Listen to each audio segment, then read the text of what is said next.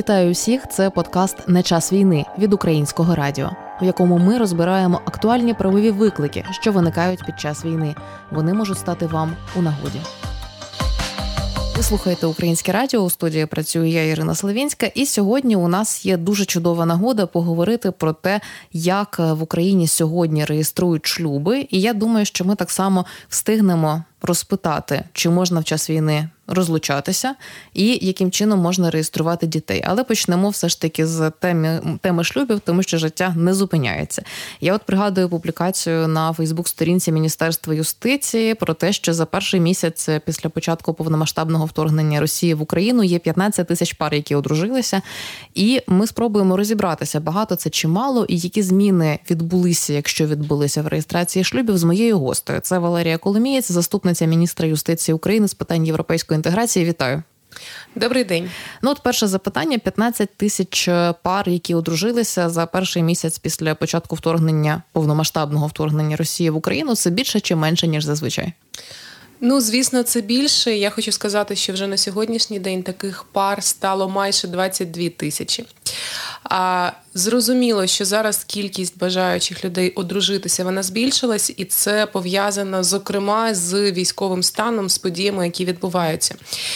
Тому, власне, нами і було продумано спосіб, за яким люди, які на сьогоднішній момент несуть службу, здійснюють оборону нашої держави, все ж таки можуть здійснити реалізувати це своє бажання навіть дистанційно, тобто не перебуваючи у відділі, який здійснює реєстрацію шлюбу, а при виникненні бажання все ж таки зможуть одружитися зі своїми половинками, навіть перебуваючи на службі. Ну, ми про це поговоримо уже за мить, тому що справді ця зміна вона така доволі суттєва, і чимало навіть жартів вона живить. Мовляв, прокидаєшся уже заміжня чи одружений. Але напевно будемо рухатися по порядку. Пропоную загалом обговорити ті зміни, які відбуваються. І, наприклад, чи можна в час е, такого воєнного становища просто піти, як це називають, ЗАГС, подати заяву і е, отак, от просто як завжди, отримати шлюб, взяти шлюб. Звісно, можна, тому що ми прекрасно розуміємо, що сьогоднішні обставини вони призводять до того, що люди, які або хочуть пов'язати одне одного, так би мовити, якимись юридичними так само обов'язками, повноваженнями, або просто хочуть засвідчити умовно своє кохання, вони на сьогоднішній момент не мають інколи можливості чекати тому що ми всі опинилися в обставинах, коли фактично не знаємо, що буде завтра, що можливо буде навіть сьогодні до вечора. І тому логічно, ми прекрасно розуміємо, що для того, аби в подальшому в цих людей не виникало жодних юридичних проблем, в тому числі вони мають. Можливість і взагалі потребу оформляти свої стосунки настільки швидко, наскільки це потрібно. Так, але тут мова навіть не лише про швидкість, про швидкість ми ще будемо теж говорити, але й про те, куди взагалі можна прийти з такою заявою. Я от припустимо ставлю це запитання і згадую історію е, абсолютно героїчної працівниці місця, де реєструють акти громадянського стану у Чернігові, е, де одна пані продовжувала ходити на роботу, і саме з її звитягою пов'язано те, що в місті в той момент е, знову почали реєструвати і видавати довідки про смерть. Це звичайно не така життєрадісна тема розмови, як шлюб, але ми розуміємо, що в воєнних умовах, особливо в багатьох українських містах, е, ті люди, які продовжують працювати в таких бюрократичних установах, це теж ну практично акт геройства.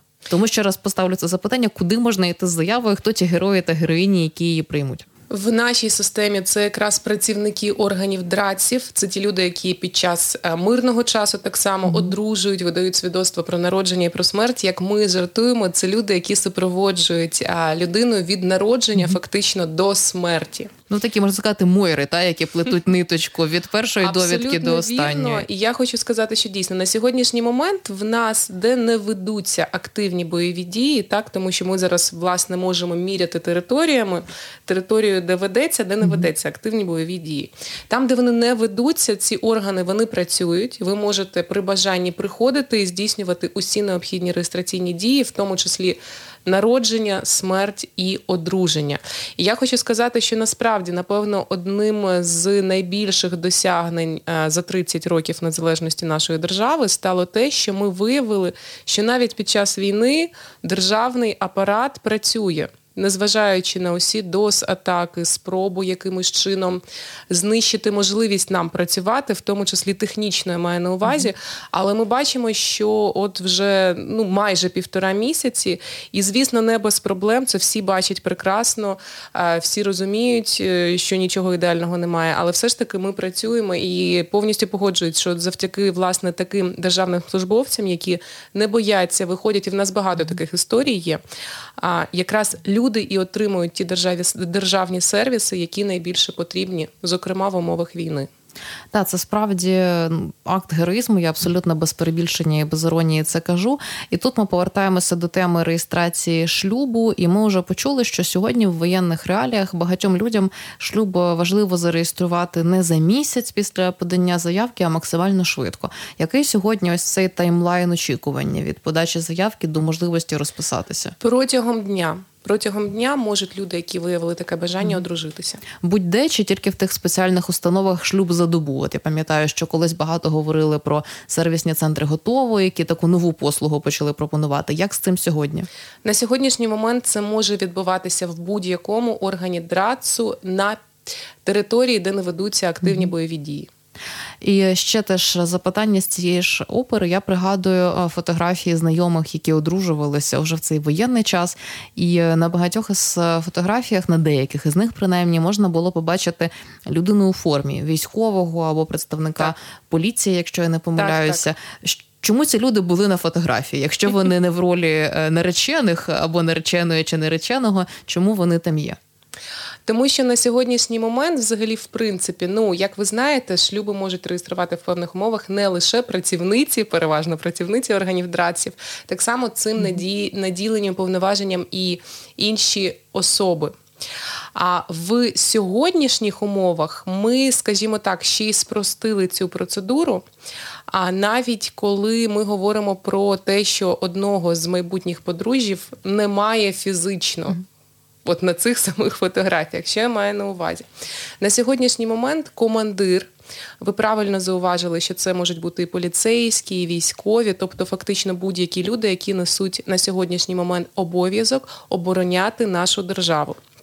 Вони можуть звернутися до свого командира і як або подати заяву про те, що він бажає дистанційно одружитися, він або вона, або, наприклад, акт про таке одруження може скласти якраз командир цієї частини, де несе службу е, той чи інший військовий, поліцейський, військова або поліцейська. Тобто можна не йти з заявою в місце, де реєструють акти громадянського стану, а підійти до командира і сказати, хочу так, одружитися. написати відповідно заяву. Командир її скріплює, і тут вже є два варіанти: або цю заяву направляє до органу драцу, де територіально, наприклад, перебуває наречена чи наречений. Який може прийти в цей орган для того, щоб провести процедуру, або такий командир він може дистанційно сам скласти акт реєстрації шлюбу і надіслати вже в орган ДРАЦ, який в подальшому його зареєструє.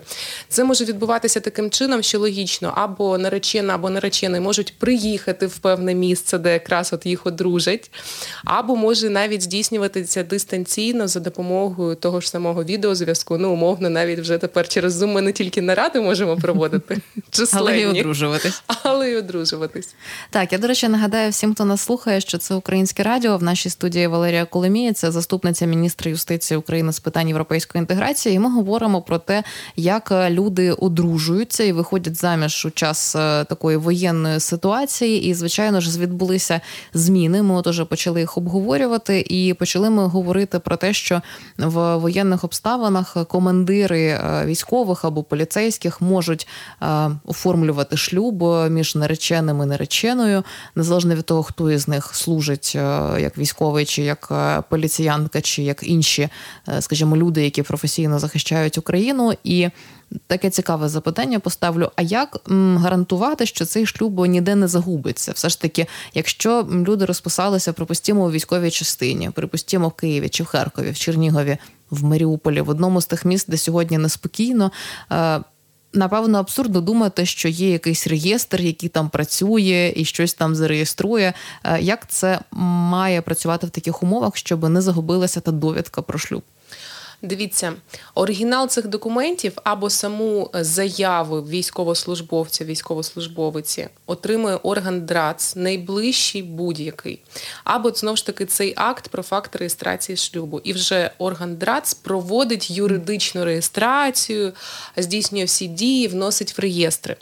Тому гіпотетично ми можемо моделювати найгіршу ситуацію, найгіршу це коли сам, от до прикладу, цей акт про одруження він просто не дійде до органу драцу з тих чи інших е, ну об'єктивних причин. Ми розуміємо, вони можуть виникнути.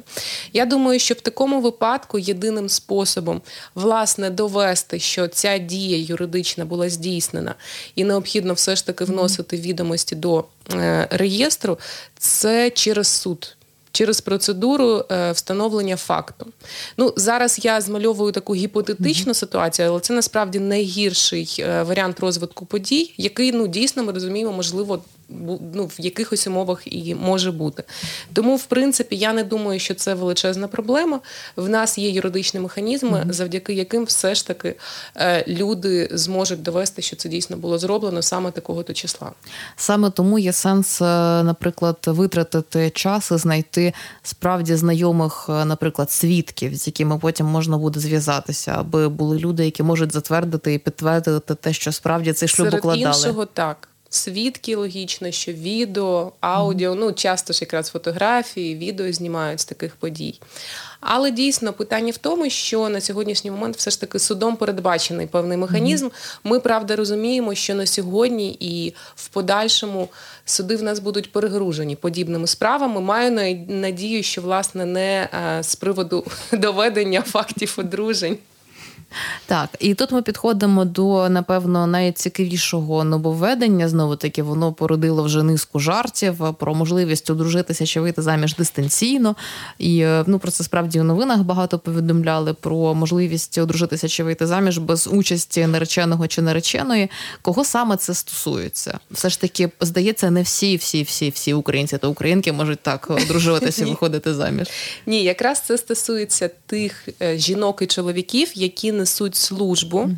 перебувають десь далеко, інколи навіть в тілях безпеки ми і можемо не знати, де конкретно вони перебувають, і мають бажання одружитися зі своєю другою половинкою. Це стосується виключно таких людей, плюс осіб, які знову ж таки через несення військової служби могли потрапити в лікарню, тому що в лікарні так само можна здійснити, скажімо так, оце дистанційне mm-hmm. одруження. Як це працює? Як ця логістика діє? Давайте спробуємо покроково описати цю інструкцію. А, Варіант перший: чоловік чи жінка, несучи службу, вирішує одружитися. Звертається до командира своєї частини, пише відповідну заяву за встановленою формою. Цей командир скріплює і підтверджує, що дійсно це такий-то військовий чи поліцейський, е, чи там е, член керівних органів набу. Мене просто дуже чомусь дивувало в постанові, що саме не всім працівникам набу дозволили. Так одружуватися. Ну і відповідно інших а, військових, ну на сьогоднішній момент можна сказати, військових формувань. І що дійсно ця особа вона виявила таке бажання, і це дійсно її підпис стоїть. І така заява вона передається до органу драцу, і вже наречена чи наречений, які знаходяться в тому місті. Куди передали цю заяву, приходить до цього органу, і на основі цієї заяви без участі другого mm-hmm. другого там чи другої з цієї пари можуть провести реєстрацію такого шлюбу. Це такий перший варіант. Другий варіант це коли відповідно сам керівник військовий він одружує цих людей. Причому він може одружити як з тим, що а, людина, яка не перебуває у військовій частині, вона буде підключена просто дистанційно, або навіть обоє з пари можуть бути підключені якраз просто дистанційно через Zoom. Ну тому що зрозуміло, що можуть бути різні ситуації, і а, людина, яка несе службу, вона не обов'язково прямо сидить в частині і може перебувати на якихось завданнях чи в інших робочих справах, так би мовити. Поставлю абсурдне запитання: які існують е, механізми запобігання від одруження попри чиюсь волю? Бо знову таки саме жарти про це мені здається наймасовіше. Я просто їх тоді, коли з'явилася новина про цю можливість дистанційного одруження, напевно, найбільше знаю стикалася в соцмережах. Я розумію, що запитання може надто смішне, як на воєнний час, але все ж таки, хай уже я його поставлю. Ну насправді запобіганням є власне те, що командир посвідчує підпис особи, плюс все ж таки можливість е, підключитися онлайн і якось знову ж таки виразити свою волю умовно. Це, звісно, запобігання. Ну я думаю, що ще наскільки я знаю, було багато жартів з приводу того, що ти приїжджаєш, повертаєшся з війни, а в тебе тут вже там п'ять родин. Ну тут ми маємо розуміти, що це неможливо, тому що відповідно, що працівники органів ДРАЦ, коли вносять відомості до реєстру, вони перевіряють, чи ви часом не одружені вже. Тому в будь-якому випадку максимум одне одруження буде і максимум одна сім'я. Але в такому шлюбі, навіть якщо він береться дистанційно, мені здається, ще є такі обов'язкові. Моменти, як свідки, щось іще, давайте теж нагадаємо, які атрибути мусять бути. Взагалі, в стандартній процедурі так мають бути свідки, причому це не є обов'язковим, але в принципі в нас це і традиційно прийнято, і не тільки в нас. А, Тому має відбуватися ну логічно, що це відбувається простим чином. Люди приходять, засвідчують своє бажання одружитися, підтверджують його усно, і це в тому числі скріплюється як їхніми підписами, так і церемоніально знову ж таки підписами свідків при їхньому е, існуванні. В самій постанові, в якій ми власне прописували, яким чином можуть дистанційно одружуватися ті люди, які зараз несуть е, військовий обов'язок не було загострено уваги на оцих, умовно кажучи, більш церемоніальних моментах.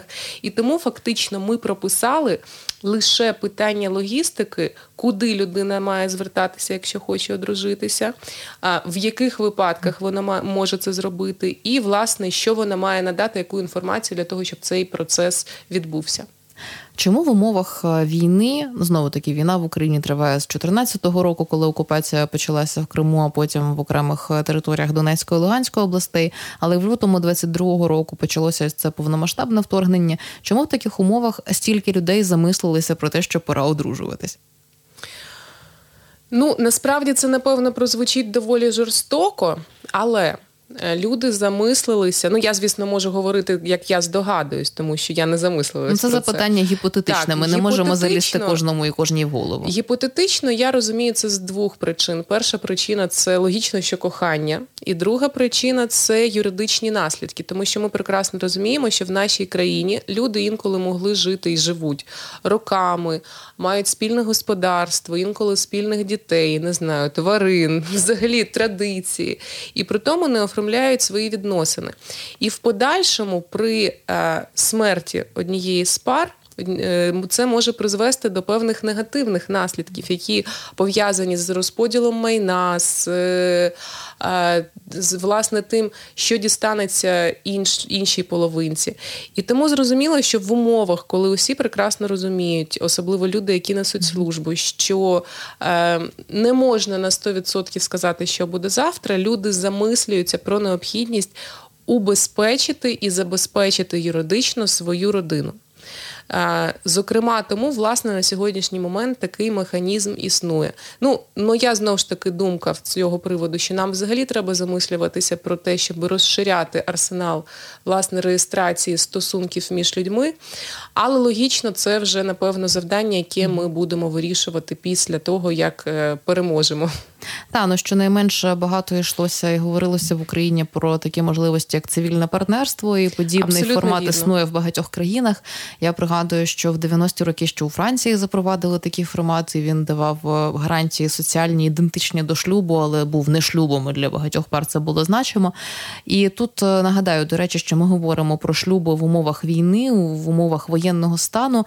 І в нашій студії Валерія Коломієць, заступниця міністра юстиції України з питань європейської інтеграції інтеграції. І ми на українському радіо продовжуємо цю розмову. Нагадаю, до речі, що у студії працюю я, Ірина Славінська, і от ми вже 20 хвилин розмовляємо про шлюб. Але у шлюбів е, є і це друга сторона, таке дзеркало розлучення. Е, в умовах війни в Україні можна розлучитися? Дивіться, насправді, як ви знаєте, більшість розлучень відбувається через суд. І тому в умовах того, що судова влада на сьогодні здійснює свої повноваження, там, де дійсно технічно можливо це здійснити, mm-hmm. люди не обмежені в тому, аби подати відповідну заяву. А звісно, якщо є можливість юридична е, здійснити це через знову ж таки органи ДРАЦ, ну подати відповідну заяву так само можливо. Тому що, як ви знаєте, ми дійсно насправді зупинили роботу багатьох mm-hmm. реєстрів після початку повномасштабного вторгнення.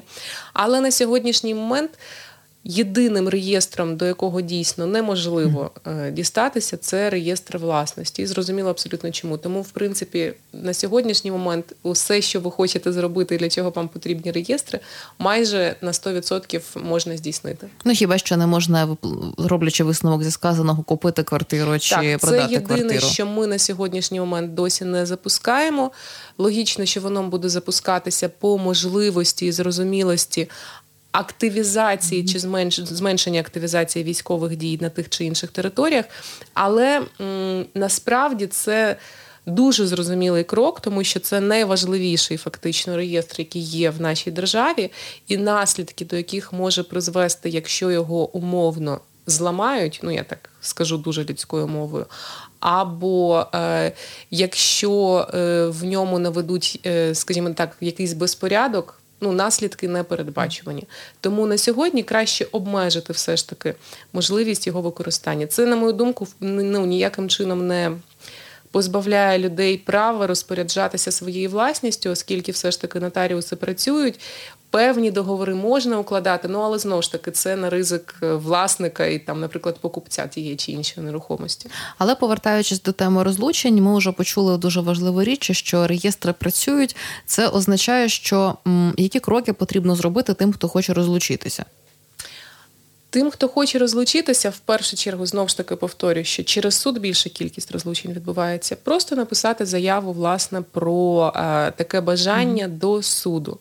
І відповідно вже по процедурі судові це все буде розглядатись. Тут треба розуміти, що знову ж таки в нас ніколи не було і в мирний час кнопки, яка дозволяє розлучитися, умовно як зареєструвати ФОПа через дію. Просто тобто це миттєво і так. не відбувалося. Є, звісно, такі ідеї, що напевно треба таке зробити. Ну але ми розуміємо, можливо, в майбутньому ми щось подібне зробимо, але не будемо забігати наперед. І тому тут власне ситуація в тому, що зрозуміло, що буде ця справа слухатися в загальному порядку, так як вона і в мирний час слухалася. І наскільки я знаю, це займає там від кількох місяців до півроку. І це теж на цю ж тему поставлю таке запитання: якщо це люди, які переїхали в інше місто або в іншу область, все ж таки зараз, на жаль, після початку повномасштабного вторгнення Росії в Україну дуже більше ніж зазвичай мобільність населення спостерігається. Хтось їде за кордон, хтось переміщується в іншу область. Такого роду процедуру можна провести за місцем проживання де-факто чи ні? Треба звертатися. Ми зараз про суд uh-huh. говоримо до суду, все ж таки по своїй території. Але питання в тому, що зараз Верховний суд наділений можливістю змінювати підсудність тих чи інших судів, коли, наприклад, зрозуміло, що у зв'язку з військовою агресією, з військовими е, з бойовими uh-huh. діями умовно не може на сьогоднішній момент той чи інший суд здійснювати правосуддя. Ну тобто, якщо принципі, людина прописана в Маріуполі, вона навряд чи може звернутися до суду в Маріуполі. В Маріуполі ні, але до суду, який на сьогоднішній момент визначений як такий, що слухає mm-hmm. справи, які мають слухатись в Маріуполі, може. А де на це жаль, можна дізнатися? А на сайті Верховного суду можна mm-hmm. дізнатися, тому що власне голова Верховного суду має такі повноваження, щоб визначати, що той чи інший суд на сьогоднішній момент не може здійснювати правосуддя, тому ми визначаємо підсудність справ цього суду за іншим судом. Тобто ну, такий список там уже висить на так, сайті там, Верховного там суду? Так, там такий висить. Е, кілька тижнів тому назад такий список бачила. Наскільки він зараз оновлений, не буду стверджувати. Так, це справді дуже цікаво, як е, вся українська бюрократія, називаємо це так по-простому, змінює свою роботу. І Тут ще одне запитання поставлю. Знову таки воно навколо теми шлюбу крутиться, і можна напевно поставити запитання про реєстрацію дітей. Ми вже чули і бачили, на жаль, не один репортаж про життя пологових будинків і породілля uh в умовах міста, яке зазнає бойових дій. Ну, звичайно, знову таки той самий е, пологовий будинок у Маріуполі облетів усі світові змі, але ну насправді в такій ситуації дуже багато породіль. І є ті, хто і в Харкові, і в багатьох інших гарячих точках просто в бомбосховищах народжують або на станціях метро, якщо ми говоримо про Київ. Як в такій ситуації взагалі відбувається реєстрація дітей? От саме говорячи про гарячі точки, я сумніваюся, що багатьох із них продовжують працювати ось ці місця, де реєструють акти громадянського стану. Саме так таких дітей можна зареєструвати знову ж таки в тих е, областях і на тих територіях, яких не ведуться активні бойові дії, і де дійсно може молода мама. Ну, переважно молода мама або молоді батьки звернутися або до органів ДРАЦу, або до е, ЦНАПів. Ну, в першу чергу, в принципі, до ЦНАПів, тому що якраз ЦНАПи на сьогоднішній момент е, такі послуги надають. А якщо не можна виїхати, не можна туди звернутися, і дитина, скажімо, якісь дні чи тижні, чи місяці свого життя не зареєстрована, це ок чи не ок? І наскільки це не ок? Дивіться, насправді говорити, що це ок чи не ок, важко, тому що має бути якась ну, конкретна ситуація. Mm-hmm. Якщо дитинка здорова, все в неї добре, вона жива, батьки живі, тоді абсолютно все рівно, коли вона отримає свідоцтво про народження. Єдине, що має бути, це медичне свідоцтво mm-hmm. про народження, на основі якого в принципі цю реєстрацію здійснять. Я прекрасно розумію, що в цих умовах можуть відбуватися такі випадки, коли цього медичного ну, довідки умовно і не видадуть. Тоді знову ж таки доведеться йти через е, факт встановлення, е, через е, суд, через процедуру встановлення факту народження.